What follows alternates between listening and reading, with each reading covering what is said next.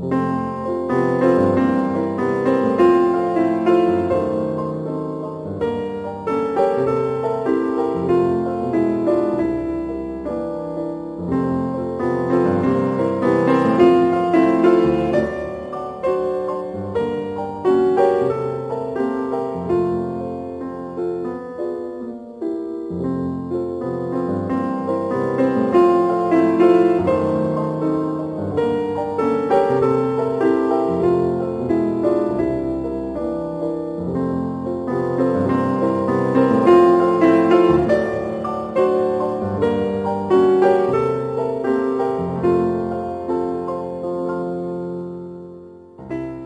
Goeienaand en welkom weer eens by Fashion Klank. Vanaand het ek weer vir Daniel Hugo hier. So baie welkom Daniel. Baie dankie Margo. Ons gaan kyk na verse van George Weideman wat een van die sterre in ons Afrikaanse letterkunde is, maar wat baie vroeg gesterf het ongelukkig. Ja, hy's op 61 dood aan kanker, maar hy was 'n baie produktiewe skrywer. Hy het uh, nie net gedigte geskryf nie, maar ook romans, kortverhale, dramas, liedtekste. Ja, en het ook heelwat pryse gewen veral vir sy romans hoewel ek hom hoor aanslaan as digter. Ja. Ek dink hy het ook met 'n drama of twee 'n prys gewen. Radio hoorspele? Ja, en ja, ook, ja. ook vroegstukke, ja. Dis reg, ja. Ja. ja, ja. Vanaand gaan ons kyk na 'n staning onder sterre. Vertel my daarvan. Ja, dit is 'n uh, sy bundel wat verskyn het met in sy 50ste jaar in 1997 want George Weideman is gebore in 1947. Dis dan ook die rede waarom ek vanaand graag sy gedigte lees omdat hy hierdie jaar 70 sou geword het op 2 Julie. 'n Staning onder sterre is waarskynlik sy heel beste bundel. En uh, ek lees baie graag daaruit voor omdat hy daarin 'n dit reg gekry het om 'n ontspanne vers binne 'n vaste vorm te skryf. So dit is meevoerend en tog tegnies vernuftig. Wanneer het dit verskyn? In 1997. Ja. Wat gaan ons lees? Die openingsgedig, die wispelturige uur en uh, dit is dan die uur waarop die muse die digter besoek wanneer hy kreatief raak.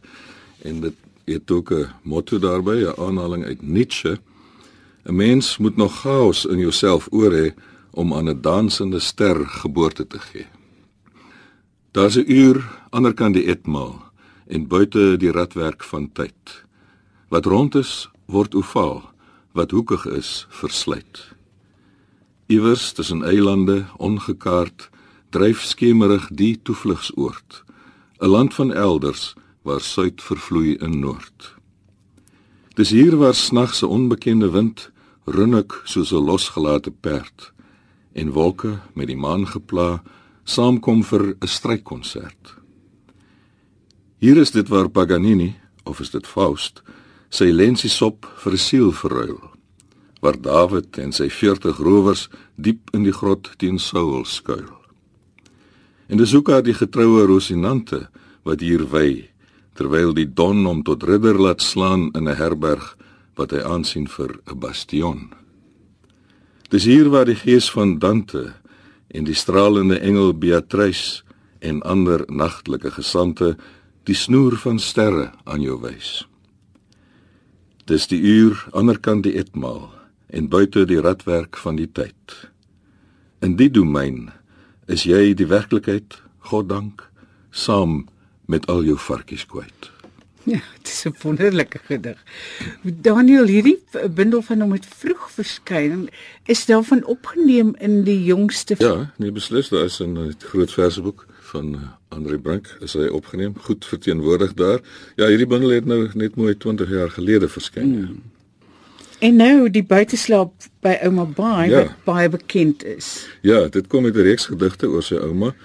Sy oupa Shaw, George Shaw, dit is van wie hy ook sy naam gekry het, George Weideman, het geboer in die distrik van Warmbad in die suide van Namibië. En die oupa Shaw se vrou was ouma Baai dan nou. Ek weet nie presies waarvan Baai 'n vervorming of afkorting is nie. Ek dink dit is Elisabeth. En wat my veral aantrek van daardie gedigreeks is juis die omgewing waarin dit afspeel, want ek het my verstand gekry op Warmut, daar in die suide van Namibië. My pa was daar 'n predikant. En George, eintlik hulle hele gesin het gereeld die shows gaan besoek daar op die plaas. Sodat ons in dieselfde tyd daar was sonder dat ons mekaar ooit ontmoet het of as ons mekaar gesien het, natuurlik nie bewus was van mekaar nie. So ek lees graag buite slaap by ouma by. Somers kon ons buite slaap. Wit hopies was goed al om die huis geskik.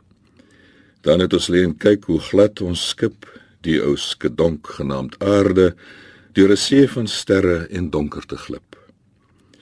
Ons kon soveel wys word uit die lug. Die jagter en sy hond, die suiderkruis, boogskutter en bok, die hele diereriem. Die naaste ster was toe nog ver, die eerste Sputnik, 'n vuurvlieg. 'n Verskietende ster was 'n vonk verdwaal uit die hoogoond van die gode. Miskien die Melkweg se agter ons. Of dalk sou ouma knipoog het daar nou net 'n siel uit die vagevuur gedros. Hoog en diep daarbo in die engelebak, 'n hemeling of twee wat hul aan ons vergaap. Bondels in die maanlig op die blik. Skerp afgeteken teen die kolesak, die blou en bruin skip van ons skimmeryk. So sou ek wegdoet en wakker word en my tot ligdag verwonder oor ons kantelende reis. In die verte speel 'n donkie toedelsak. In die verte speel Amazing Grace. Hierdie eh, beeld van die kinders wat buite om die huis lê en slaap soos bondels in die maanlig op die blyk. Dit is vir my een van die mooiste beelde in Afrikaans. Mm, mm, mm. Nou ek het gesê dat ek my verstand gekry het in Warmbad in die omgewing dis waar hierdie gedig afspeel. Mag ek nou so voorbarig wees om my herinnering aan Warmbad te voor te lees. Ja, uh, George noem 'n ander gedig daardie Warmbad omgewing 'n halfwoestyn en 'n wildernis. En ek dink dit kom ook ter sprake in my gedig. Warmbad, Namibië. My prilste herinnering 'n glansende maan wat stil uitstyg bo die rand van ons agterplaas. In sy lig sien ek hoe dat my dun skadu val eindeloos deur 'n rotsagtige kil heelal. Daar waar ek staan in 'n landskap van eysterklip, het bedags 'n Namakwa vrou my opgepas. Haar geklik het toe weer klink in my Afrikaans. Die magneet wat my hier moet vashou onder maans die taal wat my laat klou aan die gebarste lip van Afrika waaroor hortend 'n koors asem blaas.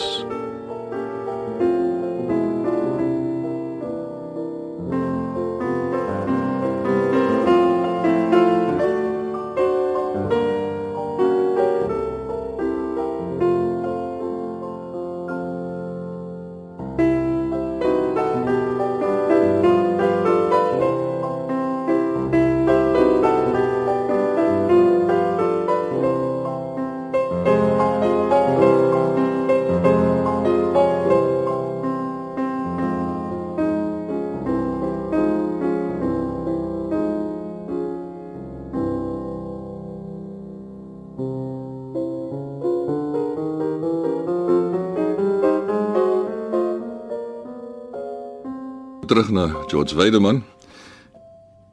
Ek lees gedigte uit sy bundel 'n staaning onder sterre. En hy het ook 'n hele reeks gedigte oor die plaas lewe geskrywe. In daardie reeks is daar ook vertalings van die Skotse digter Norman McCaig, maar twee van die gedigte in die reeks, twee of drie, is oorspronklike Weideman gedigte, soos die volgende een: Koeikamp. Groot oog kom hulle jou tegemoet.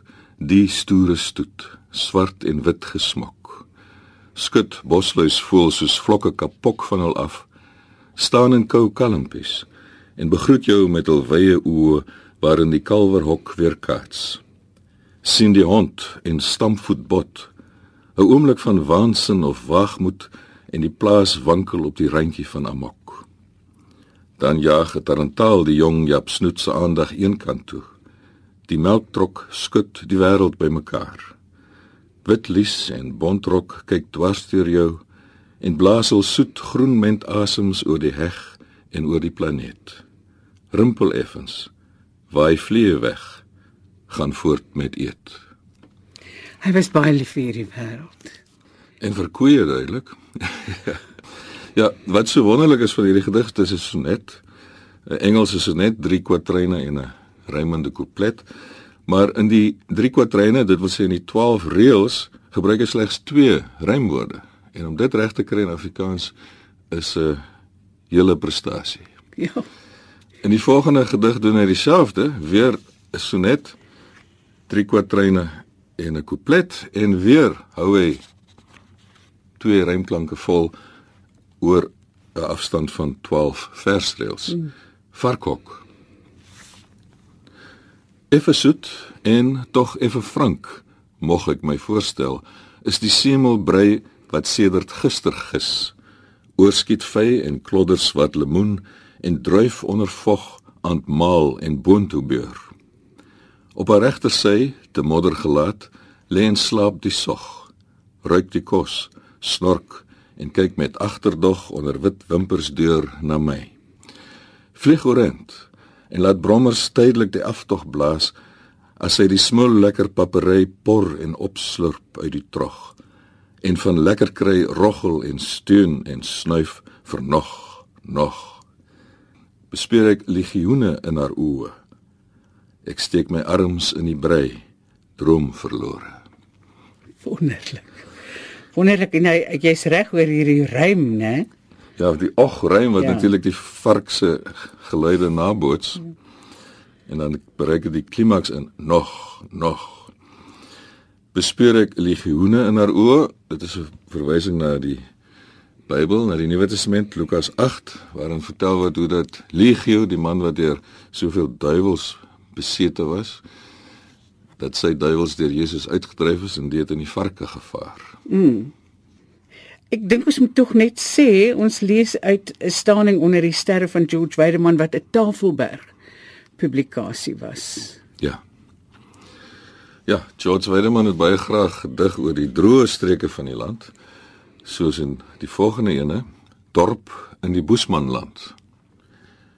Die dorp lê in slaap. Teen 3 uur lê die huise soos baksels brood in die maanlig. 'n Skaduwee kry vorm en 'n kat kom te voorskyn. Gly behoedsaam oor die straat word in 'n skaduwee opgelos. 'n Hond skrik haarself oorent en blaf vertwyfeld. Sug en smelt weer saam met die stowwerige sak waarop sy lê. 'n Haan misreken hom kortstondig en kraai Mauritius wakker. 'n Dowwe lig langs 'n deurkusyn verraai 'n flikkerkers. Miskien het iemand koliek of tandpyn of dalk is dit die weduwee slaaploos op soek na 'n penning of floryn. Dan wals 'n windvlaag deur die dorp en skud die droë peule wakker. Rinkel, rinkel tamboerijn. Die bome gesluierde buikdansers. 'n Kleuter skreeu in haar slaap. Kort duskan zero lyn. Die dorp se duisend windpompe raak oorstuurs en draai 'n lied van droefnis en van pyn die vlaktes oor. Maar die dorp se kinders is ver, veelste ver om die lied te hoor. Weg is die wind. Woords op pad na die volgende plek. Skaduwees, bly skaduwees. Onder die emalje wit maan, die dorpsheks wat haar huise toerol in gesifte meel. Die beelde is pragtig. Ja, en in die slot keer hy dan weer terug met daardie meel na die huise wat beskryf word as bakselsbrood. Ja, bakselsbrood in die maanlig. Ja. Ja dit herinner ook aan die bondels in die maanlig op die blik, die ja. kinders wat om die huis lê en slaap. Ja. En in hierdie gedig is daar ook 'n verwysing na die Nuwe Testament, die slaaplose weduwee op soek na 'n penning of floryn. Dit is die gelykenis van die verlore penning waarvan 'n mens kan lees in Lukas 15. Bronwater. Ja. Bronwater is eintlik 'n elegiese gedig oor die agteruitgang van die natuur, oor die mens wat die aarde besoedel en bevuil. Daar was 'n tyd toe ons name kon gee so helder en soet soos bergwater. Klaarstroom Amanzimtoti vry geleë. Daar is nog hier en daar 'n onbesette oord waar soetwater klater oor klip, 'n waterval, 'n stroomversnelling in 'n poort. In die druipsteen, in die kalksteen onder die klipkors van die karst. Wie weet watter eeue se reën lê hier ondergronds en vars. Onder 'n klip teen 'n helling by Klokkelaan borrel veenoud speenvars 'n fontein verplat op die maag lê en bakkant proe en wag dat lug en wolk verskyn. Iewers verbeel ek my 'n rietomsoomde vlei waar 'n riethaan op waterlelies loop. 'n Vergete vallei waar die troupand sy tuinery bespied en waterjuffers sakkies knoop. Selfs die mensgemaakte puts met die rol trek vir huis en tuin helder water uit die dieptes van die onderaardse hol. Koel soos note uit pan se fluit vloei in kruike die godswonder van water. Maar mettertyd word alle waters swyne draf, nie meer bestand teen wat ook al daarin dryf of spuit of skuim. Daar was 'n tyd toe name jou kon welgeval. Maar nou het die bronne klaar gegee. Klaar stroom Amansum toti vry geleë. Ek sou graag wou sien wat hy sou skryf. Het hy nog gelewe? Want nou is dit soveel erger. Dis nou erger as 20 jaar later, mm. inderdaad ja. En uh dis interessant, hy gebruik hier die woord waterjuffers vir naaldekokers. En hierdie gedig spreek my besonder aan want deesdae woon ek op Prins Albert baie naby aan Klaarstroom of soos hulle daar sê Klaarstroom wat die toegang bied tot die Meyringspoort en dit lyk asof hy ook hier Meyringspoort beskryf. As hy sê daar is nog hier en daar 'n onbesette oord waar soetwater klater oor klip 'n waterval 'n stroomversnelling in 'n poort in uh, George Weideman se bundel 'n staning onder sterre het die openingsgedig die titel die wispelturige uur die uur waarin die digter geïnspireer word om te skrywe. In die volgende gedig, Vroegoggendmis Weskus, kom daardie uur weer ter sprake. Die uur van afskeid kom lank voor Hanekraai, wanneer maste en toue dowwe vorms is langs 'n nog dowwer kaai. Dis die uur wanneer tuin besluit om met malmokkie weg te loop. As jy oë uitvee, is 'n sluier getrek en bome tot by hul nekke toegeknop. Dis die uur wanneer die hele baai toegespin word in die mis, wanneer 'n bootsman beneveld hom oorgee aan die duisternis. Dis dan wanneer ek jou gereeld verlaat om in 'n see van woorde te verdwaal. Tog sien ek jou soos 'n vuurtoring in die verte ligtend asemhaal. Mm, wat 'n mal mokkie? 'n Malmok sê die woordeboek is albatros. Nou ek weet nie of daar albatrosse langs die Weskus is nie. Maar dit het alles te doen met hierdie chaotiese tyd waaruit die skepping voortkom. Dis die uur wanneer tuin besluit om met malmokkie weg te loop. Dis eintlik heeltemal sal ons sê 'n mal beeld.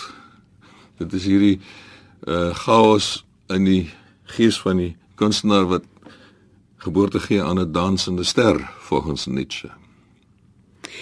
Hy ehm um, kan ek onthou ehm um, ek het veel wat saam met hom gewerk het baie vroeg soggens gaan sit en skryf en dit is wat hier ja, ook na vore kom net. Dis wat hy hier beskryf en dan moet die uur van afskeid is die afskeid van sy vrou wat nog in die bed lê en slaap. Ja. Daar is 'n lang reeks gedigte in die bundel van George Weideman met die titel Variasies tussen son en sand na aanleiding van William Charles Scully Between Sun and Sand A Tale of an African Desert. Nou Scully was 'n uh, landdros sover ek weet daar in Namakwaland op Springbok onder meer. En hy het 'n boek geskryf oor die omgewing en oor die mense dan die boere, ook trekboere. En uh, dit moes gewees het laat 1800s vroeg 1900s as ek reg onthou. En ek wil net een van die gedigte uit daardie reeks lees. Die titel daarvan is Wallefart Dit is 'n Middelhoogduitse woord wat beteken 'n pelgrimstog. En dan open met 'n aanhaling uit Scully se boek. The desert life, which has filled the Arab with poetry and a sense of the higher mysteries, has sapped the last remnant of idealism from the trekboer's nature and left him without an aspiration or a dream. So hy was redelik krities oor die boere, die Afrikaners. Die ooms versit al om die huis, al met die huis se skaduwee.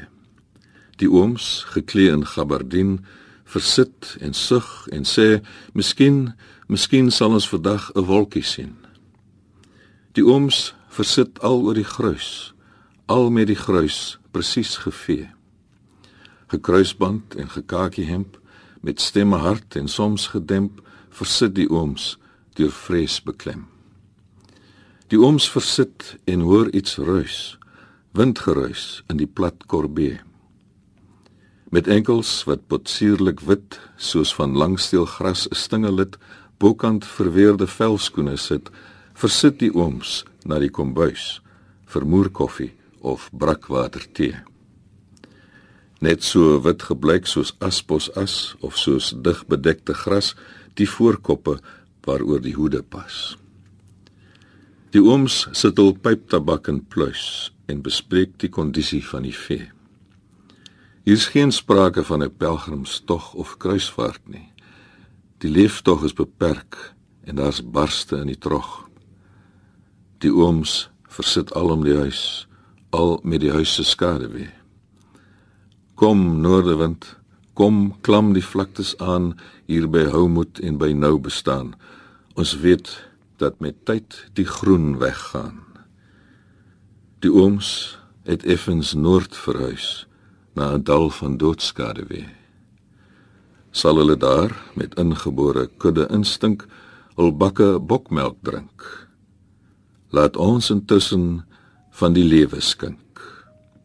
Oei, dis regtig vir my so indrukwekkend, hè? Dis 'n baie goeie gedig.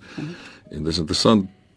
Hy sê die ooms gaan nooit op 'n pelgrimstog nie. Hulle skuif maar net so om die huis al agter die skade weer aan maar hulle dra gabardien. Dit is materiaal, grouwe materiaal waarvan pelgrimsmantels gemaak is in die ou dae. So die ooms is geklee vir 'n pelgrimstog, maar hulle benut dit nie. Ja. Weet jy die een ding wat my baie opval by sy werk is die gemak waarmee hy sy rym benut of kry. Ja. Vind. Dis so ongedwonge, dis so gemaklik. Ja. Nou hy noem hierdie gedig, hierdie vorm wat hy hier gebruik, is sayal. Dit is 'n tipiese oosterse Arabiese digvorm. En uh dit sluit aan by die aanhaling wat hy maak uit Scully, The Desert Life which has filled the Arab with poetry. Mm. En nou gebruik hy 'n Arabiese poesievorm Vorm. om hierdie ooms te beskryf wat nooit geïnspireer is deur die woestyn tot drome of aspirasies nie. Dink jy hy was 'n onderskatte digter? Ja, beslis.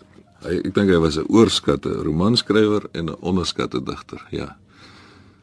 Nou die laaste gedig wat ek wil lees uit 'n staaning onder sterre van George Weideman is selfgemaak. Sy pa was 'n baie handige man wat uh, ook kunstige dinge gedoen het. Vlinders gemaak uit boomstamme ensovoorts. Maar sy pa was onderwyser en onder meer ook 'n musiekonderwyser en dit sal in die slot van die gedigte sprake kom. Selfgemaak. Pa het spaarsaam soos hy was agterop 'n almanak geteken. Hy het 'n rolpunt pen gekies. Die ink het hier en daar gesmeer. Maar die afmetings was presies. Nog 'n duim en voet, 6 voet by 18 duim op die breedste plek, daar waar die borskas pas. Dan wigvormig weerskante toe om plek te ruim vir die skerp en eie sinnige kop en die voete wat kon wysie hou. Hermeties soos 'n ruimteskip niks aanskouliks nie. Grafies bloot korrek soos vir 'n kaskar. Dit was die maand april. Versuim wou hy nie langer nie. Hy het pas 80 geword winters is sag op ons seepkans Hy sou kon skaaf en timmer sonder dat vingers verkleum of dat hy kort kort bietjies bietjies sweet met die kakie sakdoek uit sy oë vee. Gewone plankies van greinhout sou gebruik word.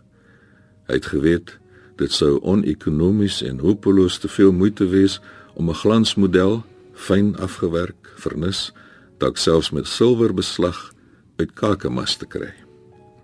Nee wat? Vir die soort ekspedisies moet mens jou uitgawes bestry. Hy het selde iets betyds of vir homself gemaak.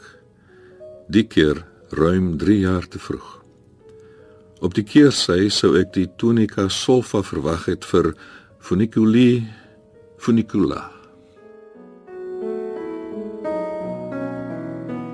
Ons het vanaand gelees uit 'n staaning onder sterre van George Weideman, 'n Tafelberg publikasie en Daniel Hugo het dit vir ons gelees. Goeienaand.